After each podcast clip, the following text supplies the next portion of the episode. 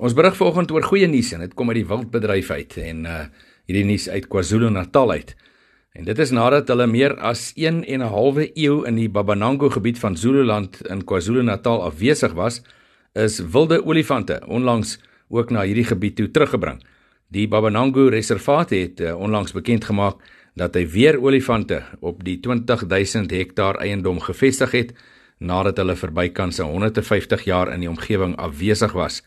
Die reservaat inkorporeer ook 'n aansienlike stuk grond wat deur drie gemeenskapstrusts belê is. Die 16 olifante bestaan uit 'n klein teeltrop van 7 wat vanaf die Manyoni privaat reservaat in Maputo-land ingebring is. Die groep se genetiese afkoms is ook vanaf die Kruger Nasionale Park.